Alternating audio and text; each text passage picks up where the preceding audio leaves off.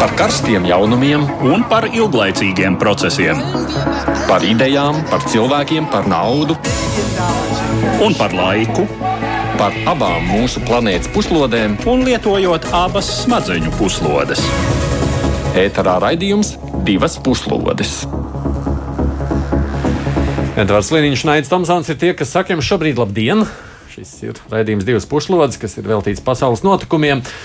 Iknedēļ šajā laikā tiekamies Latvijas radio viens ētrā, lai pārlūkotu un arī izvērtētu dažas no pamanāmākajām un trauksmainākajām aktualitātēm. Šoreiz plašāku uzmanību sanāks veltīt divām valstīm. Pirmdien apritēja gads, kopš kaimiņu valstī Baltkrievijā notika prezidenta vēlēšanas, un Aleksandrs Lukašenko ļoti nihilistiskā veidā nodrošināja sev palikšanu pie varas grožiem. Dramatiski notikumi ir izcinājušies visa gada garumā, un tie turpinās. Runāsim gan par pēdējo nedēļu notikumiem, gan par kopējo situāciju Baltkrievijā. Savukārt otru, nu, mazliet mazāku daļu no raidlaika veltīsim notiekošiem Afganistānā. Tur talibi strauji pārņem kontroli kontroli pār valsti, kur pamata amerikāņi. Kāpēc talibi tik ļoti baida gan daudz afgāņus, gan arī starptautisko sabiedrību, un ar ko tad turpmāk mums jārēķinās, domājot par Afganistānas tālāko nākotni? Būs arī dažas citas aktualitātes īsumā, kuras līdzdalīsim raidījuma laikā, taču šie divi temati būs plašākā mūsu uzmanības lokā. No, notiekošais Baltkrievijā ir pievērsis vislielāko uzmanību, tādēļ mēs ar to arī sāksim. Par pārējo runāsim vēlāk, klausāmies vispirms faktu apkopojumu.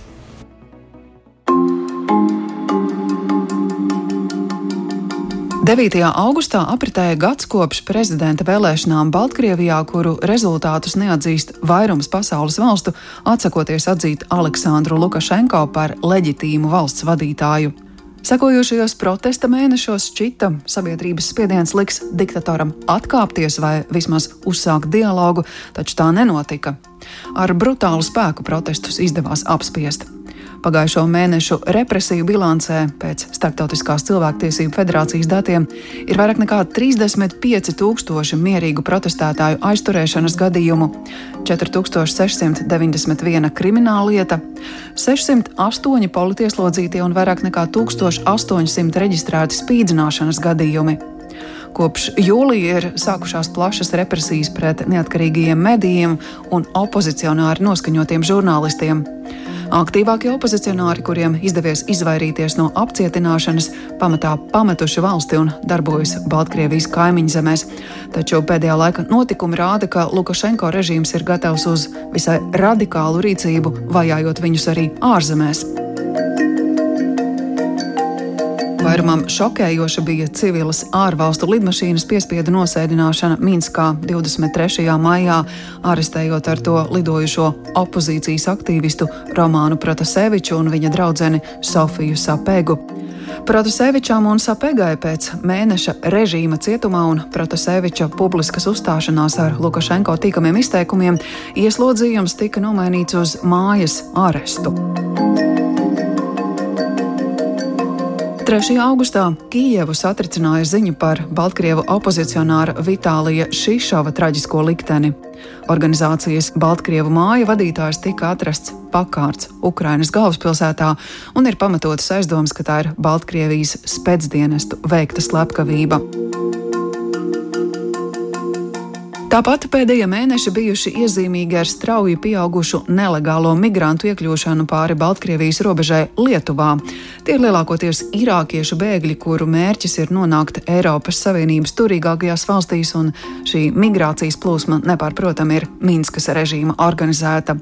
Pēc tam, kad Lietuva izvērsa akcijas robežu pārkāpumu novēršanai, pēdējās nedēļās līdzīgu gadījumu skaits pieaudzis arī uz Latvijas un Polijas robežas.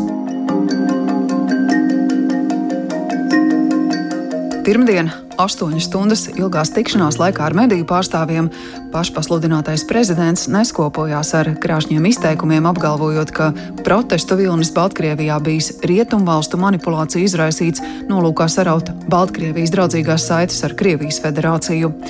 Protestu apspiešana ļāvusi novērst jaunu pasaules karu. Vairums klātesošo preses pārstāvju īsti padomiskā stilā pauda savu atbalstu pašpasludinātajam prezidentam ar ovācijām un pateicības vārdiem, un skaļi izteica neapmierinātību, kad kāds no nedaudziem klātesošiem starptautisko mediju pārstāvjiem uzdeva vadonim neērtus jautājumus. Studijā mums ir pievienojies arī politologs bloga Latvijas drošībai jautājums Anna Kudors. Sveicināti! Labdien! Kā lai raksturo to situāciju, kāda šobrīd ir Baltkrievijā? Pārējais periods, pārējais pseido prezidents. Tu esi optimists. Nu jā, labāk tā. Labāk optimistiski un varbūt šur tur kļūdīties, nekā staigāt visu laiku ar, ar garu seju. Ja? Un, nu, Lukašenko pašlaik visādas skaistas lietas pēdiņās, protams, runā. Tagad vēl nesen skatījos viņa lielo preses konferenci, kas nu pat bija. Cilvēciski ļoti grūti skatīties, jo tu saproti, ka tas ir uz kaut kādu, tas viss viņa epatāža ir uz, uz piekautu un spīdzinātu cilvēku fona.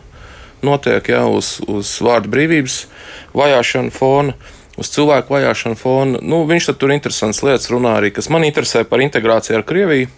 Viņš saka, ka, nu pat teica, ka viņi jau gribētu integrēties vairāk ar Krieviju, tātad Baltkrieviju, bet, nu, Krievija pati turoties it kā pretī šādi, es ne, nekad nebiju dzirdējis tik interesanti. Un tad viņš pieminēja iemeslu, tāpēc, ka viņš prasot gāzes cenas divreiz, trīsreiz lētākas, lai būtu Baltkrievijā, proti, tādas kā Krievijas iekšējā tirgū. Nu, tas, šī saruna ir sena, turpat nav vērts visās detaļās iet iekšā. Agrāk izskanēja eh, citādi, proti, Maskava uh, saka, ka viņi vēlas integrāciju, ja, ja Baltkrievija vēlas integrāciju, tad. Ne, ja vēl šīs cenas zemās, tad ātri jāintegrējas. Ja? Tad, nu, viņš tagad pagriez it kā otrādi. Tur bija žurnālisti dažādi arī no Krievijas. Ja?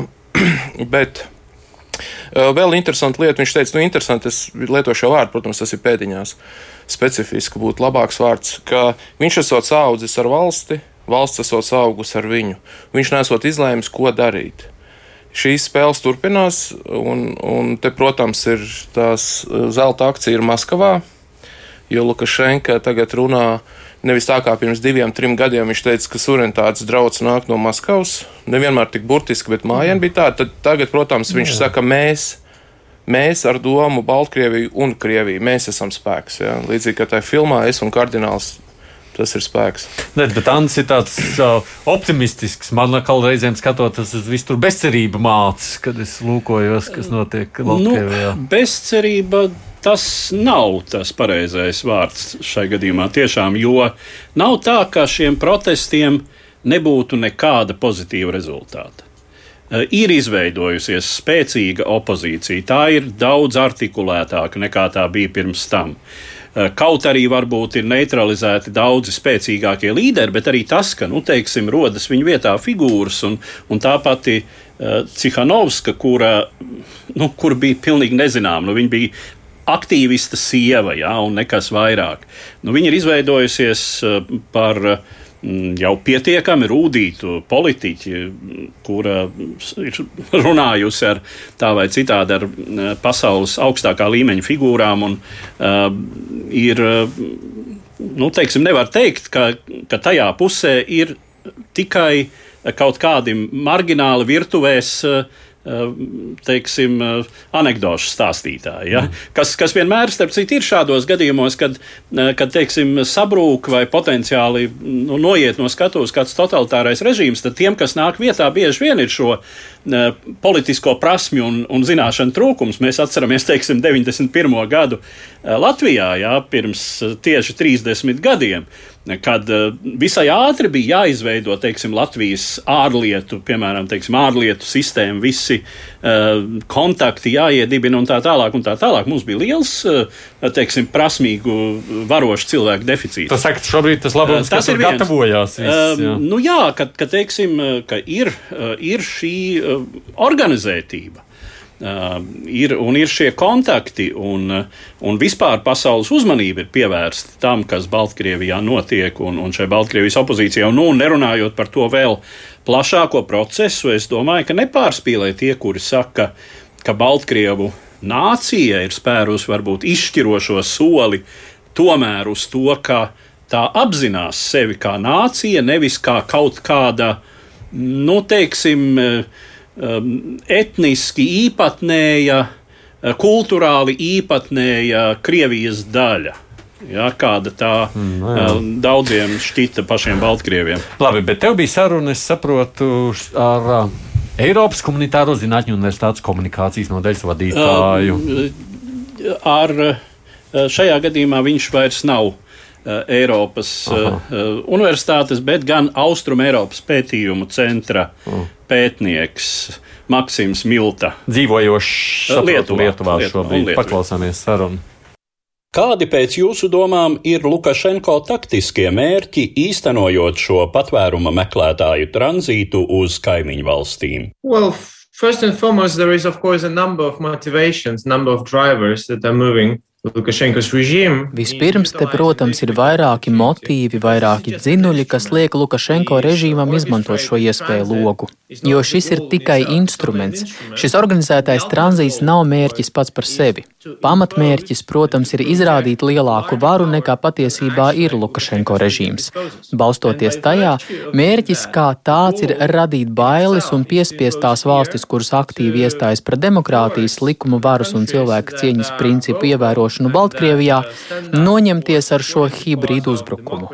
To nebūtu pareizi apzīmēt kā hibrīdu karu, bet tas nepārprotami ir hibrīdu uzbrukums. Šādu līdzekļu lietošana rāda, ka tā rīcība un nostāja, kādu īsteno tādas valstis kā Lietuva un Polija attiecībā pret Baltkrieviju un tās režīmu, ir Lukašenko visai nepatīkama. Tas nav tas, ko jūs ierasti varat dzirdēt šais Lukašenko bezgalīgajās runās, ka sankcijas viņu nekādi neietekmē, ka viņam tas vispār nerūp. Tātad Lukašenko mērķis ir dezorientēt un tādējādi iegūt laiku. Lukašenko trūkst metaforiski runājot skābekļa. Ar to es domāju alternatīvus ceļus slepenu finanšu plūsmu virzīšanai, veidus, kā apiet jau esošās sankcijas, kaut arī tās pašas par sevi ir ļoti piesardzīgas. Pagaidām tā ir drīzāk nodomu demonstrēšana nekā reālas sankcijas. Tomēr Lukašenko vajag laiku, un organizējot šo schēmu, viņš šo laiku iegūst. This is how he wins additional time. Un kāda, jūsuprāt, var būt reāla šī migrantu tranzīta ietekme uz Baltkrievijas kaimiņu valstīm? Well, some of the things we see already in place here in Lithuania, that uh, various Dažas lietas mēs jau šobrīd redzam Lietuvā. Dažādas protesta balsotāju grupas ir pieķērušās šīs schēmas jautājumam. Tieši tādā pašā stilā tieši šīs pašas grupas protestē pret vakcināciju, pirms tam tās tāpat izpaudās referenduma jautājumā par ārvalstnieku tiesībām pirkt Lietuvā zemi. Pirms tam bija vēl citi jautājumi. Pamatā tās ir protesta grupas, kuras pastāvīgi ir opozīcijā valdošajai konjunktūrai. Un Lukašenko tas ir ļoti izdevīgi svarīgi, jo tas tiek izmantots viņa propagandā, apgalvojot, ka Lietuvas pozīcija attiecībā pret Baltkrieviju nav patiesais lietuviešu tautas viedoklis, ka tā ir tikai politiskās konjunktūras nostāja. Un tas viss tiek izvērsts dažādās sazvērstības teorijās un kā tik vēl ne. Tas ir tūlītējais efekts. Te pašā laikā izaicinājumi allaži rada iespējas, un viens no šī uzbrukuma papildu efektiem ir tas, ka Lietuvas iekšpolitiskajā dienas kārtībā beidzot pienācīga uzmanība ir pievērsta faktam, ka no 679 Lietuvas un Baltkrievijas kopīgās robežas kilometriem tikai 38% tiek novēroti cauru diennakti. Iepriekš tas tika skaidrots ar robežu apsardzības prioritātēm, proti, ka pirmām kārtām Lietuvai ir pienācīgi steidzīgi jānostiprina robeža ar Krievijas Kaļiņgradas apgabalu. Lai gan ir acīm redzama patiesība, ka kopš Lukašenko ir pie varas, Baltkrievija nav nekas cits kā Krievijas militāro spēku integrēta sastāvdaļa. Tas redzams no tā, kā ir organizēti Baltkrievijas bruņotie spēki un kā tie sadarbojas ar Krieviju. Taču pēdējās pāris desmitgadēs nav bijis pamanāma progresa Baltkrievijas robežas nostiprināšanā. Un es te nerunāju tik daudz par fizisko aizsardzību barjeru, cik par pašu būtisko izpratni par to, ko nozīmē tāda ārkārtīgi gara robeža. Tagad ir pienācis laiks šai ziņā spērt soli uz priekšu. Kaut arī tas varētu biedēt valdošo koalīciju ar reitingu kritumu, jo, protams, šīs robežu būves ir dārgas, par to nepieciešamību tiek asi debatēts arī Lietuvas parlamentā, nu pat bija šim jautājumam veltītas debates. Taču šis hibrīdu uzbrukums ir pavēris iespēju logu šī jautājuma risināšanai. Open a certain window of opportunity momentum to solve this question. Nu, jums bija tātad šo Maksimu Miltu sarunu par šo jauno Lukašenko know-how, kā varētu mēģināt situāciju ietekmēt, runājot par šo migrantu krīzi. Cik tas atmaksāsies uh, pašam Lukašenko? Andi, šī tāda veida mēģinājums lietas kārtot. Jā, pirms es atbildu uz tavu jautājumu, gribēju nedaudz korrigēt to savu optimismu par pārējais periodu, kad es domāju, es biju domājis, nu, neobligāti, ka tur būs tāda ātra demokrātiska rezultāta. Jā, ilgtermiņā jā, jo es piekrītu jā, Edvardam par to, ka nācija ir dzimusi vai atzimusi, bet uh, pašam Lukašenko ir pārējais periods. Jā. Krievija arī viņa, es nedomāju, ka vēlēsies, es domāju, Kremlis nevēlēsies viņu mūžīgi. Par to, kāds viņam iegūms ir par šo hibrīdu instrumentu izmantošanu, mm, nevienmēr var spriest par autoritāro līderu ārpolitikas instrumentu izmantošanas kaut kādiem racionāliem ja, mērķiem, kur būs kaut kādi labi rezultāti viņiem pašiem no tā augstākā laikā. VDK tirgoja narkotikas šur tur rietumos, jā, vienkārši lai, lai ieriebtu rietumiem. Nu, tas viņa ieguvums ir kaut kādā ideoloģiskajā pēc tam karā. Bet tas tāds ļoti īstermiņa, tas ļoti īstermiņa skatījums uz lietām. Ne? Bet šis arī ir. Viņš jau ir tādā, nu, ja kāds runā, Putinam patīk runāt, ka nevajagot nevienu iedzīt stūrī, nu, Lukašenko zināmā mērā ir stūrī, un tas stūrī ir tikai viņš un Vladimirs Putins. Jā. Tur, tur nav īpaši Viņam īpaši manevru iespēja tieši, viņam pirms tam jau lielu manevru iespēju nebija, kad it kā bieži vien runāja Lukašenko manevrē starp rietumiem un Krieviju. Ja paskatījāmies uz ekonomisko sniegumu un, un Baltkrievijas atkarību milzīgo no Krievijas, tad īsta manevra arī toreiz nebija. Viņš bija minimāls. Tur Venecijas naftas ienāca pāris reizes. Uh, tur viņi tādu īstu neko atkarību arī neizdevās uh, iegūt. Īstermiņa mērķi sabojāt kaut ko mums, atriepties. Ja, nu, ko viņi tagad Eiropa sagraus ar to? Ja, ja Baltijas valsts nostāsies stingri un, un nerunās pārāk tādā kā lai to nosauc, pūkainā postmodernismā, runājot tikai par tiesībām un nerunājot drošības kategorijās. Ja mēs rīkosimies tiešām nacionālās drošības, Nē, nu šobrīd tā kā rīkojamies. Tieši tā, mēs rīkojamies pašlaik pareizi, jāturpina to ātri tikai darīt. Un tad tas viņa instruments nu, paliks neefektīvs jau pavisam drīz. Ne? Ko tas dod tagad Lukašenko? Neko, nu, tādas eh, jau arī eh, Maksima Miltas piesauktās eh, īslaicīgās nu, teiksim, īslaicīgus instrumentus situācijas ietekmēšanai. Jā, nu tas var sevišķi tādās nelielās valstīs kā Latvija un Lietuva, kam uh, jau daži tūkstoši šo migrantu ir problēma, nu, tas var radīt zināmu iekšēju destabilizēšanos, uh, nu, teiksim, tādu sakāpinātu, histērisku reakciju daļā sabiedrības. Arī nu, Maksims jau saka, ka tas vienkārši pievienojas tam komplektam, ar, ar kuru šīs principiālo protestētāju grupas, kas šobrīd ir um, izvērstas un aktīvas sakarā ar jau visu um, pandēmijas situāciju. Uh, nu, krietni aktīvāks, es teiktu, nekā pirms pāris, trīs gadiem. Uh, nu, tas viņiem ir vēl viens temats, ar kuru viņi var uh, iziet atkal uh, ielās un paklaigāt. Uh, bet, uh, jā, nu, te ir arī jautājums. Es domāju, ka šis varētu kļūt par precedentu uh, lai uz, skatītos vispār uz to, vēlreiz, kā Eiropa risina kopumā eh, šo ne, nelegālo, jeb neregulāro, kā tos, tos var arī saukt, migrantu jautājumu. Jo, nu, teiksim, Grieķijā, ja, eh, tur jau arī ir, ir šī problēma, tur tā ir ilglaicīgi. Un, Uh, par Erdoganu arī ir zināms, nu, ka viņš mēģina reizēm tā sacīt, piebiedēt Eiropu un, un, un piepalīdzēt, un Grieķija uh, Nu, jāsaka tā, ka Grieķija jau labu laiku de facto īsteno tādu migrantu atpakaļmešanas un diezgan brutāls reizēm taktiku, bet uh, Grieķija to nu, slēpj, tā verbāli neatzīst. Vai nu saka, ka nu, nav tur bijis tik daudz, vai, vai ka neko nezina par to, ka tur kāda laiva ir uh, burtiski, teiksim, ar. Uh, ar uh, krasta apsardzes kutera palīdzību aizstumt atpakaļ Turcijas pusē vai tam līdzīgi. Eh, tur ir problēmas, jo, jo ir, eh, teiksim, nu, šī migrantu tiesību eh, Labi. problēma. Te mēs vai ne? varam iet uz priekšu un šo tematu turpināt gari. Es tomēr atgriežoties pie Baltkrievijas, tur ir vēl vairākas aspekts, ko es gribu pieminēt šajās nedēļās, par ko mēs neesam runājuši. Tā pēdējā ziņa arī starp citu.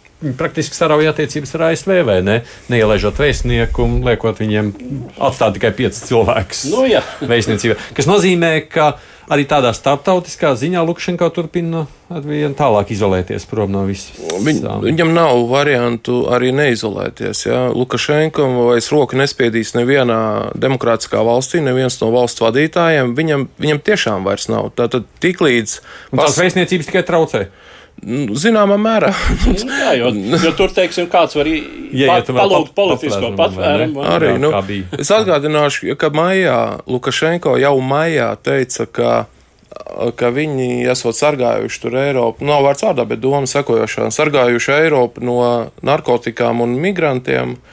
Un tagad paši tiekat galā, paši viņus tur ēdiet, ne, tur ar savā stilā viņš to arī paziņoja. Tā ka šī ir mērķiecīga rīcība, mēs tagad redzam augus, līdz ar to ir svarīgi neuzķerties un reaģēt atbilstoši. Ja? Neuzķerties tā nozīmē, ka viņš nu, izlie, Baltkrievija izliekās, ka viņi paši te atnāca, mēs tad viņiem būvēsim Jā, citu- mājas un ļoti palīdzēsim. Es, es esmu par stingriem soļiem šajā Nu, ziņā. bet tajā pašā laikā saglabājiet pašiem Baltkrieviem ja, to beigšanas koridoru, ko Lietuva dara. Ja? Jo Lietuva saka, ka Nu, tiem ir- savukārt Baltkrievus viņi ņem. Nu, nē, nu, protams, tā ir pavisam cita. Tas ir citādi. Jā. Tas ir atšķirīgi. Bet te, tas, nu, es saku, juridiski tur, protams, eh, vienkārši es teiktu, šādai situācijai atkal Eiropas jurisdikcija, Eiropas eh, pieeja bēgļu jautājumu risinājumam nav gatava. Jo nu, tādā veidā, tik cīniski un tik mērķtiecīgi tas nekad nav darīts. Un es tāpēc eh, atkārtošos, es domāju, ka te būs ļoti nopietna um,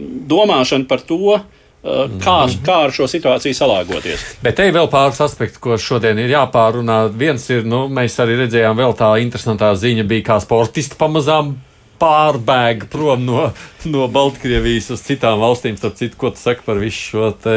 Nu, es saku, ka tas ļoti atgādina to, kā tas notika padomju laikā, kad beigas sportisti un baletdejotāji uh, un uh, orķestra mūziķi laiku pa laikam. Uh, un, uh, nu, tas tikai nozīmē, ka Lukašenko režīms ir tiešām totalitārs jau mm, diezgan izteikti. Jo nu, uh, tā bēg uh, nu, cilvēki, kas piedar pie. Pie mm, elites, pie situētākās sabiedrības daļas, pie, pie tās, kas ir pat šādu režīmu ļoti ieredzēta. Nu, sportisti tie taču nes valstī prestižu. Mm. Uh, ja viņi bēg, uh, nu, tad tas ir. Uh, nu, un arī teiksim, viss tā publiskotā saruna, kā šie treneri apstrādā to nabaga. Tiešām jāsaka, nabaga meiteni. Um, un, uh, un kā viņai skalo smadzenes tā uz tādas klajas iebiedēšanas un tajā pašā laikā pārliecināšanas robežas, un mēs saprotam, ka treneris un sportists tās ir ļoti īpašas attiecības. Ja? Mm. Uh, un, ja tur sāk piedalīties uh, uh, diktators Lukašenko tā ļoti tiešā veidā, nu, tas atgādina vissliktākos, vissliktākos piemērus, kādi tie bija Padomju Savienībā, citās uh, padomju sistēmas valstīs, arī šur tur citur pasaulē. Nu, mēs zinām, tur Spānijā, piemēram, ja, kad bija jāuz, jāuzvar Madrides klubam, nevis Barcelonas klubam. Bet tajā pašā laikā pat arī tie, kas aizbēguši, un to mēs redzam no tā stāsta, Kievā ar pakārtotu aktīvistu arī nav nekādā drošībā. Nu, tas ir tas jākrieviski teiciens, un tas rūkīģinī. Mums rokas ir garas. Jā? Vai arī kā Putins teica, kaut kad tas, kas mums notrīs pār trīs dienas, nedzīvos. Tas ir precīzi kā rīkojas totalitāri līderi. Jā? Autoritārais līderis Lukašenko nodemonstrēja, ka viņš sirdī ir totalitārais. Tāpēc, ka tagad pie noteiktiem apstākļiem jā, tie, tās sankcijas pastiprinās vēl vairāk. Te tīri ir, ir ārpolitikas analīze arī ir tāda viena lieta, kad analizē arī šo individu psiholoģisko īpatnību ietekmu uz lēmumu pieņemšanas procesu. Ja? Un te, par, ja, ja par Putinu, parasti, nevis parasti, bet ik pa laikam no rietuma izskanēja, nu, viņš tur ir kā kaut kur citā dimensijā vai vājprātīgs, kaut kas tam līdzīgs, tad parasti man bija pretreakcija. Nē, nē, jūs nepareizi viņu nolasat. Ja? Viņš daudz ko varbūt ir tēlojis brīžiem, bet tur ir kaut kāds specifisks racionāls aprēķins ja? no viņu kaut kādas ieguvuma zaudējuma kalkulācijas. Lukašenko gan ir atšķirīga. Es, protams, neesmu speciālists, jā, bet nu, tur jau gan arī diagnoze bija izskanējuši, bet es tagad pavēroju vēl, ko viņš runā un kā runā. Nu, tur ir baisi skatīties. Man vienkārši man tur vairs ne, man nav, man kā politologam vairs, es vairs nevēlos analizēt tur politoloģiski, tāpēc, ka tur ir, nu, tur pilnīgi cita veida analīze ir nepieciešama. Nu, vienkārši ir nožēlojami skatīties, ja, kas tiek runāts kā un kā tiem cilvēkiem zālē tur jārēģē. Tas kaut kas jau tiešām kaut kāds Ziemeļkorejas pazīmes, ja, ka viņi tur māja ar galvām un kas būs, ja, ja tagad kāds nepamās. Un vēl, teiksim, tai padomi sistēmā, nu, tur tomēr fonā bija šī nu, lielā mērā nu, grandiozā ideoloģiskā konstrukcija. Kādas Lukašenko nav šī konstrukcija kopš 30 gadiem sabrukusi. Uh, uh, nav tā idejiskā pamata. Ja? Viņam jau nav tādas normālas ideoloģijas, uz kuru šo totalitārismu varētu reāli būvēt. Bet tev bija saruna runājot par to slepkavību un aktīvistiem ārpus Baltkrievijas, Kijevā. Ar... Jā, politologs Dmitro Ļevus, Kijevas politi politisko pētījumu centra Kijevas meridiāns, Ukrainas meridiāns vadītājs. Klausāmies sarunu. Если оно даже и не шокирующим было, то очень значимым. Запустило некоторые процессы в сфере безопасности и в общественных оценках. Ja arī šis notikums nebija gluži šokējošs, tad ļoti nozīmīgs. Tas iedarbināja procesu drošības jomā un sabiedrības vērtējumos. Tas nekļuva par tādu seismisku grūdienu, kas varētu sašūpot politisko sistēmu vai stabilitāti, taču gan spēcīgu triecienu deva. Kas attiecas uz Baltkrievijas valsts drošības komitejas pēdām šajā lietā, tām arī ir ietekme. Pirmkārt, tās sakrīt ar attiecību sāsinājumu starp Ukrainu un Baltkrieviju, kas jau ir kļuvusi par sistēmisku sāsinājumu risinājumu, jo pēc pagājušā gada protesta apspiešanas Lukašenko patstāvība starptautiskajā politikā ir kļuvusi ārkārtīgi apšaubām. Zināmā mērā Lukašenko sāk atgādināt Piedņestras vai tā saucamo Doņetskas un Luganskas tautas republiku līderus, kaut Baltkrievija ir starptautiski atzīta valsts. Lukašenko ārpolitika šobrīd absolūti peld Krievijas federācijas farvaterā, kas starp citu bija labi vērojams nesenajā preses konferencē, kur viņš burtiski atkārtoja Krievijas tēzes un pozīcijas pozicionēja sevi ar klišeju. Mēs ar manu draugu Putinu. Ir noticis tas, kam bija jānotiek. Draudi, ka Baltkrievijas robeža vairs nebūs Ukrainai droša no militārās agresijas un no hibrīda agresijas viedokļa. Šī pusgada laikā, kopš protesta apspiešanas, ir ieguvuši konkrētas aprises. Zināmā mērā mums bija ilūzijas, ka Lukašenko ir cilvēks, kurš attur Baltkrieviju no kļūšanas par Krieviju, par Krievijas iegribu bezieru un izpildītāju. Tāpat pastāvēja zinām tirzniecības sakari tā skaitā strateģiskas produkcijas ziņā. Ukraina iepirka Baltkrievijā līdz pat trešdaļai degvielas un smērvielu, kravas automobīļus maz armijas vajadzībām un vēl šo to. Vēl pastāvēja Minskas sarunu platforma. Patiesībā jau liecības, ka tas viss maigi izsakoties nav gluži neviltoti, bija arī agrāk. Varam atcerēties Ukraiņu studentu Pāvelu Gribu, kuru Krievijas Federālā drošības dienesta FSB darbinieki nolaupīja Gomeļā, kur viņš bija ieradies, lai sastaptos ar meiteni no Krievijas, ar kuru bija iepazinies internetā. Jau tad radās jautājums, vai Lukašenko vispār kontrolē Baltkrievijas teritoriju. Vai nu viņa kontrole ir tik vāja, ka Krievijas FSB tur var darīt, kas ienāk prātā, vai arī Baltkrievijas varas iestādes ir gatavas saskaņot šādas FSB akcijas, vai arī Lukašenko nekontrolē pašas spēku struktūras, kuras uz savu roku atļauj FSB tur rīkoties bet zināmai sabiedrības daļai bija zināmas ilūzijas, un Lukašenko bija laba krietna reputācija kā cilvēkam, kas spējas uzturēt stabilitāti. Tieši pēdējā gada laikā viss ir stipri mainījies. Lukašenko ir zaudējis lielu daļu savas leģitimitātes rietumu un arī paša valsts pilsoņu daļas acīs. Viņš ir zaudējis lielu daļu manevru iespēju un lielu daļu patstāvības. Attiecībā pret Ukrainu, pret NATO, pret Baltkrievijas kaimiņiem no Eiropas Savienības viņš pilnīgi iet Krievijas federācijas pavadā. Tāpat tiek gatavotas militārās mācības, kas nav saņēmušas nepieciešamo EDSO verifikāciju. Ir aizdoms, ka iesaistītā karaspēka daudzums neatbilst līgumam par bruņojumu kontroli Eiropā. Un arī viņa absolūti nekaunīgie paziņojumi par to, ka Ukraiņa vienreiz nopelnīsies un viņš iemācīs iestājušies Ukrainā, kur viņi atbalstīja 90% iedzīvotāju, to visu jau arī var uztvert tikai kā agresiju. Un, ja atgriežamies pie situācijas ar Vitāliju Šišovu slepkavību, kā arī pie situācijas ar 2016. gadā Kijevā notikušo Baltkrievu žurnālistu Pāvelu Šeremetu slepkavību, tad aizdomas, ka to ir paveikuši Baltkrievijas spēcdienesti, ka Ukraina ir teritorija, kur ar Baltkrievu opozicionāriem notiek tādas traģēdijas, tas rada Ukrainai negatīvu imidžu, tā izskaitā rietumos. Un tas jau atkal ir ļoti izdevīgi kā Maskavai, tā oficiālajai Minskai. Vēl, kas attiecas uz drošību, pie mums tiek pievērsta uzmanība arī tam, kas notiek uz Lietuvas robežas. Pirmkārt, mūsu bruņotā konflikta veterānu vidē tiek pausta gatavība vajadzības gadījumā braukt lietuviešiem palīgā. Otrs moments - izskan bažas, ka kaut kas tāds varētu tikt īstenots arī pret Ukrainu. Vēl viens interesants moments. Tas ir visai negatīvi ietekmējis Lukašenko kā tādu neuzpērkamā krietnā un cēlā bruņinieka no jebkādas korupcijas tīrā vadoņa tēlu. Tagad izrādās, ka šādu koruptīvu masveidīgas bēgļu transportēšanas schēmu viņš ir spējīgs norganizēt nepilnas nedēļas laikā. Tātad Baltkrievijas spēcdienestu viņa tiešā vadībā attiecīgajos procesos ir kā zivis ūdenī. Tas ir ļoti zīmīgs moments. Белорусские спецслужбы под его руководством непосредственным, то есть они все время были в теме и в деле. Это очень показательный момент. Divas puslodes! Dmitro Levis, mums ir jābeidz par Baltkrievijas tēmu. Faktiski tikai tā nopaļojot to visu, vai man ir taisnība tādā īstermiņā savukārt, tā būs tikai sliktāk. Īstermiņā labi nebūs. Jā.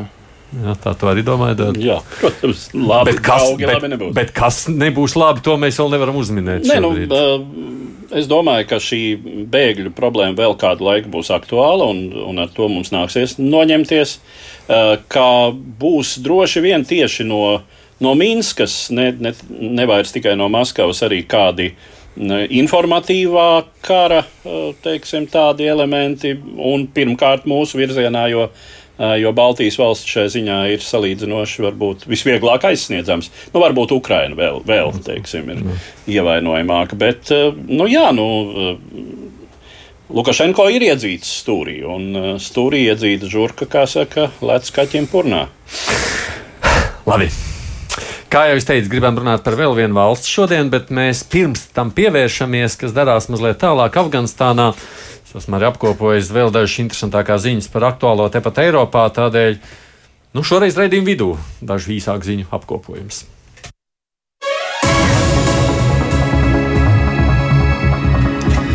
Pamatīgas politiskās kaislības pēdējās dienās valda Polijā, kuras pavadījuši protesta akcijas. Seimas trešdien pieņēma likumu, kas neļaus valstīm ārpus Eiropas kontrolēt Polijas mediju kompānijas. Līdz ar to ASV grupa Discovery būs spiest pārdot savu akciju vairākumu paketi TVN, vienā no Polijas lielākajiem, nu, varētu arī teikt, opozīcijas telekanāliem. Šī iemesla dēļ pat ir izjukusi valdošā koalīcija, jo viena no partijām vienošanās bija pret šo likumu, uzskatot, ka tas var sabojāt labās attiecības ar ASV. Premjervietnieks Govins pēc domstarpībām atcelts no amata, un nu, Polijā var izveidoties mazākuma valdība, vai arī būs jāmēģina veidot jaunu koalīciju. Tiesa domstarpības partneriem bija arī par nodokļu politiku. Tāpat Seims pieņēma likumu, kas ierobežos iespējas holokaustu upuriem atgūt savulaik atņemtos īpašumus. ASV jau neslēpj savas bāžas, brīdinot Poliju par nepatīkamām sekām, bet otrdien ielās izgāja ļaužu tūkstoši, lai paustu savu neapmierinātību ar valdošās koalīcijas iecerēm. Polijai līdzās esošās Vācijas konservatīvie piedzīvo krasu popularitātes kritumu, un nu, tikai pieaug iespēja, ka pēc septembrī gaidāmajām Bundestāga vēlēšanām valdība nāksies veidot kādai nezinu, iekšēji pretrunu plosītai trīspartiju koalīcijai. Tā liecina trešdien publicētie aptaujas rezultāti. Nedēļas laikā konservatīvo atbalsts krities par 3% punktiem. Viņiem gatavi balsot tikai 23% vāciešu. Tas ir par 7% mazāk nekā iepriekšējās vēlēšanās, kas arī bija viņas sliktākais sniegums pēdējā laikā. Savukārt kristīgo demokrātu līderi Armīnu Lašetu kanclera amatā vēlas redzēt vien 12%. Tikmēr pieaugs sociāldemokrāta popularitāte viņiem ir izdevies panākt zaļos. Par viņiem gatavi tagad balsot jau 19% vāciešu. Viņu kanclera amata kandidāts Šolts ir izrādījies vispopulārākais. Par viņu priecātos 26% vēlētāju. Turpat ir zaļie, par kuriem varētu balsot katrs piektais vēlētājs. Bez šiem trim līderiem Bundestāgā varētu iekļūt vēl četras partijas, un tas nozīmē, ka parlaments būs sadrumstalots. Šobrīd nav iespējams pateikt, kāda būs nākamā Vācijas koalīcija. Politiskā krīze izveidojusies arī Bulgārijā. Tur draud atkal jaunas ārkārtas vēlēšanas. Dziedātāja un televīzijas zvaigznes Slavitra Trifonova dibinātā politiskā partija ir tāda tauta, kas uzvarēja pagājušajā mēnesī notikušajās parlamentu vēlēšanās, otrdien atteicās no ieceres izveidot valdību. Partija pēc vēlēšanām iegūst 65 no 250 parlamentu deputātu vietām, bet ar to nepietiek, protams, lai spētu saviem spēkiem izveidot valdību. Populisti noraidīja sadarbību ar bijušā premjera Borisa Boiko vadīto konservatīvo partiju GERB un arī etnisko turku partiju MRF. Taču nespēja panākt vienošanās arī ar divām citām mazākām partijām. Pēc sarunu beigām Turfinovs vainoja iespējamos kolēģis nodevībā un ir izveidojies kārtējais politiskais uh, strupceļš, Trifonovs atvainojas. Konstitūcija paredz vēl divus mēģinājumus citām partijām arī veidot valdību, bet politologi norāda, ka izredzes ir nelielas. Trifonovs ir paziņojis, ka viņa partija neatbalstīs nevienas citas valdības izveidi. Protams, tur nav politiskā krīze, bet nemierīgi ir bijis mūsu kaimiņos Lietuvā, kā mēs esam dzirdējuši. Tur strauji pieauga saslimšana ar koronavīrusu, un tas izprovocēja pamatīgs nemierus Viļņā. Valdības iecerē pieņemt būtisks ierobežojums nevakcinētajiem, pabudināja vairākus tūkstošus pulcēties pie Seima ēkas, to bloķējot, izraisot vardarbīgas sadursmes, vairāk desmit ievainoti, bet valdība trešdien tomēr pieņēma lielāko daļu ierobežojumu. No septembra vidus tie, kam nebūs certifikāti, vairs nevarēs apmeklēt lielveikals, kafejnīcas, saņemt citu veidu pakalpojumus. Turklāt uzņēmumiem būs iespējas tā rīkoties jau no nākamās nedēļas.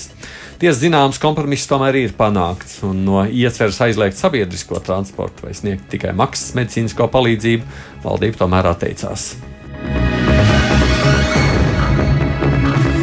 Un vēl cilvēki izmaina klimatu nebijušā tempā. Tā ir teikts ilgi gaidītajā ziņojumā, kā izplatīja ANO klimata pārmaiņu starpvaldības padomu, skaidrojot, ka tādas klimata pārmaiņas, kurām esam liecinieki, nav redzētas daudzus gadu tūkstošus. 234 eksperti no 66 valstīm strādāja pie šī ziņojuma, konstatējot izmaiņas un meklējot iespējamos cēloņus. Kaut vai tikai daži fakti. Piemēram, Ziemeļledus okeāna ledus saga pēdējos desmit gados bijusi mazākā kopš 1850. gada. Globālais jūras līmenis kopš 1900. gada ir cēlies straujāk nekā jebkurā iepriekšējā gadsimtā, vismaz pēdējos 3000 gados. Protams, galvenais indikators ir vidējās temperatūras paaugstināšanās. Pēdējie seši gadi, ieskaitot 2020. gadu, ir bijuši seši siltākie meteoroloģisko novērojumu vēsturē. Trauksmes zvani ir apdullinoši, pierādījumi neapstrīdami. Tāpēc ziņojuma publicēšanas sacīja no ģenerālsekretārs Antonija Guterres. Šim ziņojumam ir jāiezvana kapa zvans oglēm, fosilējam, kurnāmajam, pirms tie iznīcina mūsu planētu. Ja mēs tagad apvienosim savus spēkus, mēs vēl varam novērst klimata katastrofu. Tā sacīja Guterres.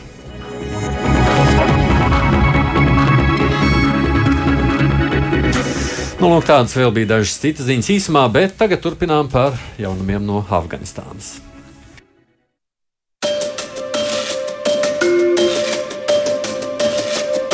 Ofensīva, kuru kustība Taliban uzsāka Afganistānā maija sākumā, ar katru mēnesi gūsi arvien lielākus panākumus, jo sevišķi pēdējās nedēļās, kad Savienotās valstis un to sabiedrotie izved no Afganistānas savas pēdējās kaujas vienības. Pēdējās dienas nesušas Afganistānas centrālajai valdībai vienu zaudējumu pēc otra. Ja līdz 6. augustam talību rokās bija pamatā valsts lauku rajoni, tad pēdējās dienās viņiem padavušās jau 9 no 34 provinču galvaspilsētām. Toskaitā ir Kundūza, Talukāna un Polehomrī, kas ir attiecīgi 6., 7. un 8. lielākā pilsēta valstī. Vakar kaujas risinājās arī ap Afganistānas otro lielāko pilsētu Kandahāru valsts dienvidos un trešo lielāko pilsētu Herātu ziemeļrietumos. Avots Savienoto valstu izlūkošanas struktūrās vakar izteicies aģentūrai Reuters, ka jau pēc mēneša talību spēka varētu izolēt valsts galvaspilsētu Kabulu un pēc trīs mēnešiem to ieņemt, gan piebilstot, ka tā nav nepārprotama prognoze un Afganistānas drošības spēkiem vēl esot iespēja mainīt situāciju sev par labu.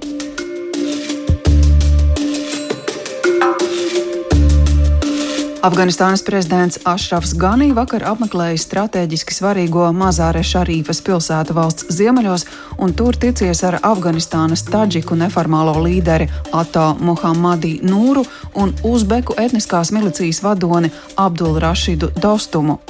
Etnisko taģiku un uzbeku vienības valsts ziemeļos savulaik bija amerikāņu vadītās koalīcijas sabiedrotie, padzenot no varas kustību Taliban 2001. gadā, un tiek izteikti pieņēmumi, ka šobrīd tieši šie spēki varētu kļūt galvenais talību pretinieks valsts ziemeļdaļā. Tiesa pēdējo dienu lielākie panākumi talibiem tieši ir Afganistānas ziemeļos, un pēc pēdējām ziņām viņi kontrolē lielāko daļu Afganistānas robežas ar Taģikistānu un Uzbekistānu. Notikām Kataras galvaspilsētā Dohā vakar un aizvakar notika konsultācijas tā sauktā paplašinātā trīnieka - Savienoto valstu, Krievijas, Ķīnas un Pakistānas pārstāvju starpā. Mērķis ir aktivizēt miera sarunas starp Afganistānas valdību un kustību Taliban, taču pagaidām netiek ziņots par kādu būtisku attīstību šai virzienā. Taliban joprojām uztur spēkā nosacījumu, ka kompromiss iespējams tikai tad, ja no amata aiziet pašreizējais Afganistānas prezidents Ganī.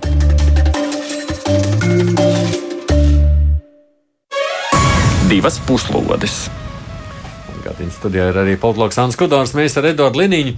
Kā ir Kabula kritīs, tavuprāt, Eduard, būs Afganistāna pilnībā talība ziņā?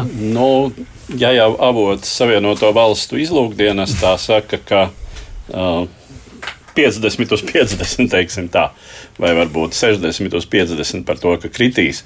Uh, tiešām grūti teikt, uh, jo uh, nu, tas. Tas būtu, un faktiski Afganistānas pagātnē jau arī ir tā, ka drīzāk tas būs atkal kāds ilgstošs pilsoņu karš, un zināmā mērā, un atsevišķos reģionos te vai visu cīņu pret visiem, kā šie ziemeļi, kur ir, ir šīs etnisko uzbeku un taģiku minoritātes ar savām bruņotām vienībām par to pašu Nūru saka, ka viņam esot uh, 60 tūkstoši privā, liela privāta armija, kas pakļaujas tikai viņam. Nu, un tad vēl, vēl lokāli uh, vietējie vadoņi, kuri arī viņu atzīst par savu vadošo autoritāti. Nu, tā kā arī pietiekami ievērojams spēks. Uh, un, Uh, tur droši vien viss var būt ilgi un asiņaini. Bet ļoti strauji tas gājiens tagad talibiem tā uz priekšu, tā nu, uzvaras gājienā būtībā pa visu valsts. Nu, pēc visas spriežot, centrālā valdība nav bijusi gatava. Uh, nezinu, vai paļāvusies uh, uz to, ka Savienotās valstis neaizies. Pārdomās pārdomās, jā, vai, vai paļāvusies uz Savienoto valstu gaisa spēku iespējām.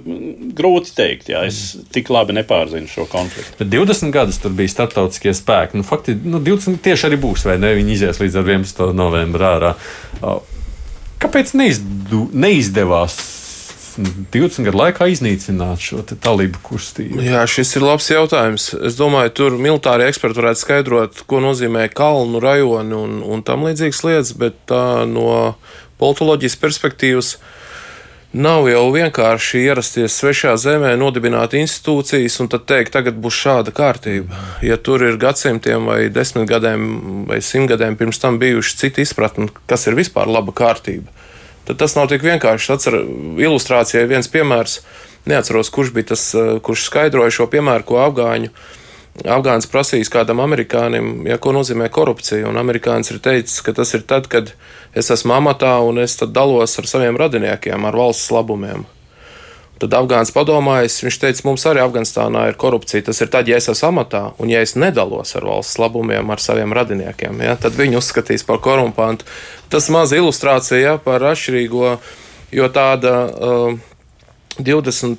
gadsimta nogales liberālā doma bija tāda, ka izveidojot institūcijas, cilvēki ātri pielāgosies un, un mainīs to, ko atkal tie, kas runā, ka kultūra ir relatīvi nemainīga lieta, viņi ir mainīgi, protams, bet ilgst, ilgstošākā laika periodā tik ātri nevar izmainīties. Un tad mēs redzam, ka ir vienādi likumi, līdzīgi likumi, līdzīgas institūcijas dažādās valstīs. Vienās valstīs strādā, citās ne.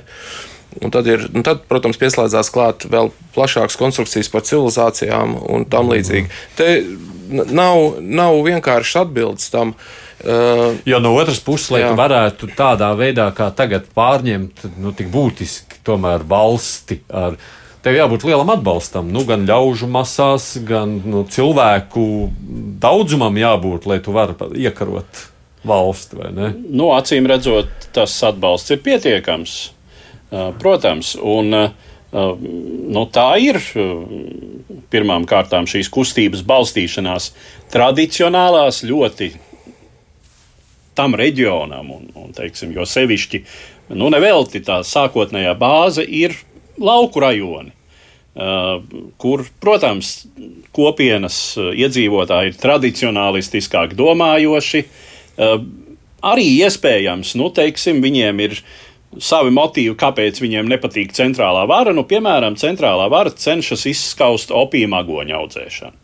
Uh, kas ir viens no ienākumiem. ienākuma avotiem, ļoti nopietniem ienākuma avotiem. Jā, bet nu, tur ir spiediens no, no starptautiskām institūcijām, ne, lai, lai, lai šādu narkotiku audzēšanu apkarotu. Nu, tātad, tas ir jau, jau viens potenciāls uh, iemesls, ja, kāpēc teiksim, viņiem būtu izdevīgāk vara, kas viņiem to netraucē darīt. Ja, bet tajā pašā laikā pietiekoši daudz gan tur, gan neapšaubām starptautiski ir bail no talībiem. Te ir vēl viens faktors, papildinot minētos, ir radikālais islāms un islāmisms arī kā ideoloģija. Un arī es jau pieminēju 20. gadsimta nogali. Toreiz tādā starptautiskā politikā daudz eksperti nenovērtēja vispār reliģijas faktoru kā tādu. Bieži vien, kad runāja par teroristiem, kur ar Allāhu vārdu tad ir kaut ko spridzinājuši, parasti teica, ah, viņš vienkārši nāk no sociālām grūtībām, no kaut kādas ģimenes. Un tad izrādījās, ka nē, tā hipotēze netika pierādīta, jo izrādījās, ka cilvēki savu pārliecību iegūst arī būdami labi izglītoti, mācoties ASV redzot arī tur pilnīgi kaut ko citu un, un būt materi būdami materiāli ļoti labi nodrošināti. Reliģijas faktors ir arī viens no ļoti svarīgiem. Un šis islāmisms, tāda radikālās versijas, ir lieta arī, kas, kas satrauc, jo šie cilvēki ir vairāk motivēti nekā kādi citi, kuri pie, pieņemsim kaut ko darīs tikai dēļ materiāliem iegūtiem. No, no, no, no otras puses, no tā nebūtu jābaidās. Vai ne? Ja tev ir vienkārši kāds reliģiski motivēts cilvēks. Jautājums, kāda reliģija? Jautājums, kas no tā izriet? Vai, vai tas viņiem ļauj ņemt patsmitnieces seksuālās verdzenes? Un uzturēt, jā, un mēs redzam arī, kāds, skaņ, kāds atskaņas nāca no Islāma valsts. Turpretī viens no grupējumiem, arī, kas darbojas Afganistānā, ir tā saucamā Islāma valsts. Jā. Te ir interesanti arī no starptautiskās politikas viedokļa. Šī jau ir svar, svarīgi atcerēties, šī nebija vienkārši amerikāņu akcija, tā bija NATO akcija ar ANO mandātu. Un, un kritika ir gan ieejot iekšā, amerikāņi, protams, spēlē galveno violu, un viņi bija galvenie iniciatori. Bet tur tā, tas tomēr bija starptautiski leģitīms pasākums, kur atbalstīja arī Krievija. Jo Krievijai ir satraukums par, par, par tiem tranzītiem, kas, tā skaitā narkotika, kas iet cauri Centrālā Āzijai un tad caur Krieviju, uz pašu Krieviju un uz Eiropu. Uh, šī bija situācija, kur arī Krievija nebija pret Jā, un nebija tāpēc ANO ietvarā nelika nekādus uh, veto. Arī Ķīna kaut kādā ziņā bija interesēta, ja viņiem ir sava specifiska attieksme, ja ir tur not, pret notikumiem reģionā un ar ietekmi uz viņu iekšējiem uh, procesiem. Tā kā ir, ir tā, ka kritizēs, amerikāņus te kritizēs vienalga, viņi iegāja, tagad ies ārā, atkal viņus kritizēs. Te ir šī ir kopējā, nebeidīsimies šī vārda cilvēces lieta, jā, un problēma. Tā viņa nav vienkārši risināma. Bet, nu, kolēģi, Mārcis Zandars, esam šobrīd sazvanījuši. Sveiks, Māri! Sveiki! Mēs te runājam par to, cik tad ir pamats baidīties no tā, kas tagad notiks ar Afganistānu. Tu savukārt rakstā, kas bija publicēts portālā Satorī, saka, ka nu, nebūs jau trakāk nekā bija. Vai es pareizi tevi interpretēju? Jā. Kāpēc tu tā domā? Nu, bet, nu, ko tas maina? Nu, bēgļu plūsmas kādas, vai sauc kā gribi, imigrantu plūsmas kādas bija tādas. Kā, kāpēc mēs neuztraucamies par to, kas notiek Etiopijā vai, vai Jemenā? Nu, tas plūsmas jau ir nemainīgs. Nu, no tāda viedokļa tur nekas, nu, tas neko daudz neietekmē. Vāc, tur jāuztraucās, tur jau varbūt vairāk varbūt jāuztraucās tiešiem kaimiņiem, tur Centrālā tā. Nu, tu saki, uz to visu skatoties tikai tieši tā kā no bēgļu plūsmas. Jā.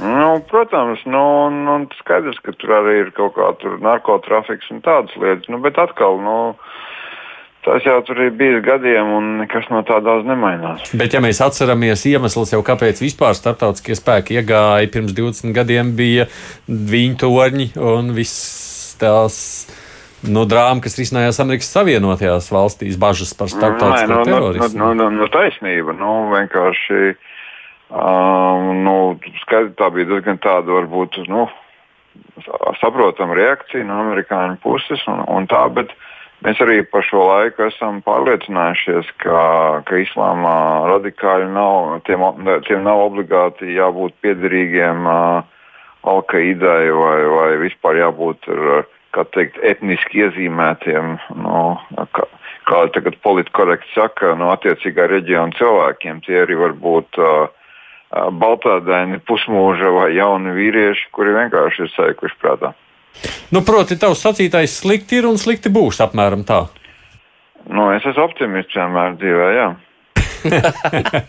Labi, paldies Mārcis par sarunu. Mārcis Zanders, mūsu kolēģis, par to slikti ir un slikti būs. Nu jā, par bēgļiem. Tur jau signāli parādās. Nu, teiksim, ja vēl pirms dažām dienām um, Eiropas, vairākas Eiropas, sešas Eiropas valstis um, nāca klajā ar tādu kopīgu deklarāciju, ka tomēr ir jācenšas um, turpināt uh, Eiropā patvēruma meklētāju atpakaļ sūtīšanu uz Afganistānu. Uh, tad šķiet vakar, vai pat šobrīd, šorīt agri no rīta, Vācija un Nīderlanda ir paziņojušas, ka tās vairs nesūtīs atpakaļ patvērumu meklētājus uz Afganistānu, jo nu, situācija tur ir tāda, ka uh, ir pamats uh, piešķirt šo patvērumu Eiropā. Nu, uh, šobrīd uh, Grieķija, saprotam iemeslu dēļ, ļoti aktīvi uh, joprojām iebilst pret to, ka Eiropas Savienība nu, teiksim, deklarētu, ka Afganistānas iedzīvotājiem jebkuram uh, ir, uh, ka viņš Nu, jā. savas izcelsmes valsts dēļ kvalificējas. Lai šis... gan es domāju, ka kvalificējas gan ievērojot to, kas notiek Afganistānā. Bet šis liek domāt, ka tā bēgļu plūsma, ja problēma no Afganistānas augs. Viņa var augt viennozīmīgi. Sevišķi, ja tad, kad tā amerikāņu klātbūtne tiešām nu, principiāli samazināsies, ja, un, un jau viņi samazinās, bet uh, es domāju, arī būs, man interesē, protams, ko darīs Krievija un citi spēlētāji. Tāpat Turcija, kam ir interesi, kas ir uh, NATO valsts tika pieminēta jau Pakistāna, jā, tur Ķīna, kas ir tūmā un kas var ietekmēt procesu. Krievijai ir uztraukums par procesiem Centrālā Azijas valstīs, ja, kur viņiem ir interesi drošības, nacionālās drošības kontekstā, bet, protams, arī tādas reģionālās dominēšanas intereses. Viņi, protams, norunās skaisti, ka tā ir tikai nacionālā drošība. Nu, starp rindiņām lasīsim, ne, tās ir arī viņu ģeopolitiskās kontrolas intereses, jo tie līderi, kas ir laicīgie un tādi ar tendenci uz autoritārismu centrālā Azijas valstīs, ar tiem Kremlim diezgan viegli vienoties. Ir. Labi, viņiem nav tik viegli gājis ar Uz Uzbekistānu, bet citādi diezgan labi viņi vienojas. Ja tie būs tādi radikālā islāma motivēti cilvēki, tad tur Kremlim būs ļoti grūti kaut ko darīt. Ja? Un tāpēc viņi redzēsim, ko viņi balstīs, kāda būs viņu politika lai, lai tie procesi nepārmestos uz Centrālā Āziju un tad neietekmētu Kremļa intereses. Man šķiet, ka Talibāns šobrīd cenšas nomierināt Maskavu. Nu, nevelti tāds tevi mm -hmm. bezprecedenta gadījums. Talibāna delegācija pirms kāda laika bija Maskavā. Un nu pat, nu pat Šoigu ir uh, atkārtot paziņojis, ka Talibāna ir solījis, ka tas neiebruks uh, kaimiņu valstīs un ar to pirmām kārtām jau ir domātas Centrālā Azijas valstis, jo, nu, teiksim, Talibāna neatļausies uh, šādā veidā uzbrukt, teiksim, Irānai. Nu, un kas attiecas uz Pakistānu, tad tur, tur ir tādas īpašas attiecības Talibana ar Pakistānu, ka tur bieži vien tā robeža arī ir absolūti caurspīdīga. Mm. Un, un nevar īsti saprast, ko Karačī valdība īsti dara šai sakarā. Un, un, bieži vien jau ir bijuši tie gadījumi, kad Talība bija patvērs Pakistānā un tur tīri ērti un ilgi dzīvo. Bet vispār saprast, kā veidosies attiecības starp Afganistānu, ja tā kļūst talibu kontrolē pilnībā un pārējo pasauli, tas ir vēl tāds interesants. Tas ir jautājums. vēl liela jautājuma zīme. Ir skaidrs, ka Kremlis ir jau devis mājiens, ka ar talibiem viņi vienosies, viņi katrā ziņā centīsies. Jā. Es atgādināšu, ar, ka Taģikistānas robežu ar Afganistānu. Uh, kontrolē Taģikstānas robežu tā, lai nesauktu tā, ka Ķīna un Afganistānu kontrolē FSB, tātad kontrolē Krievijas uh, mm. robežsargi. Ja? Tur, tur, nu, tur, protams, tur ir tas dialogs paredzams cieši. Kas notiks ar ASV?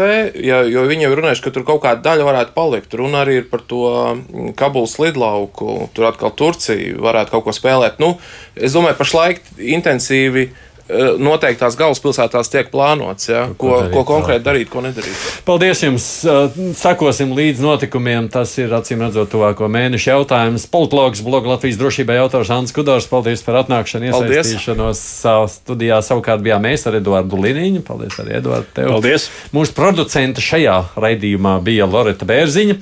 Nu, mēs tiksimies ētrā atkal pēc nedēļas, lūkosimies, kādi notikumi tad būs notikuši nākamās nedēļas laikā. Kā redzams, ir daudz par ko runāt, lai visiem ir mums jauka nedēļas beigu puse.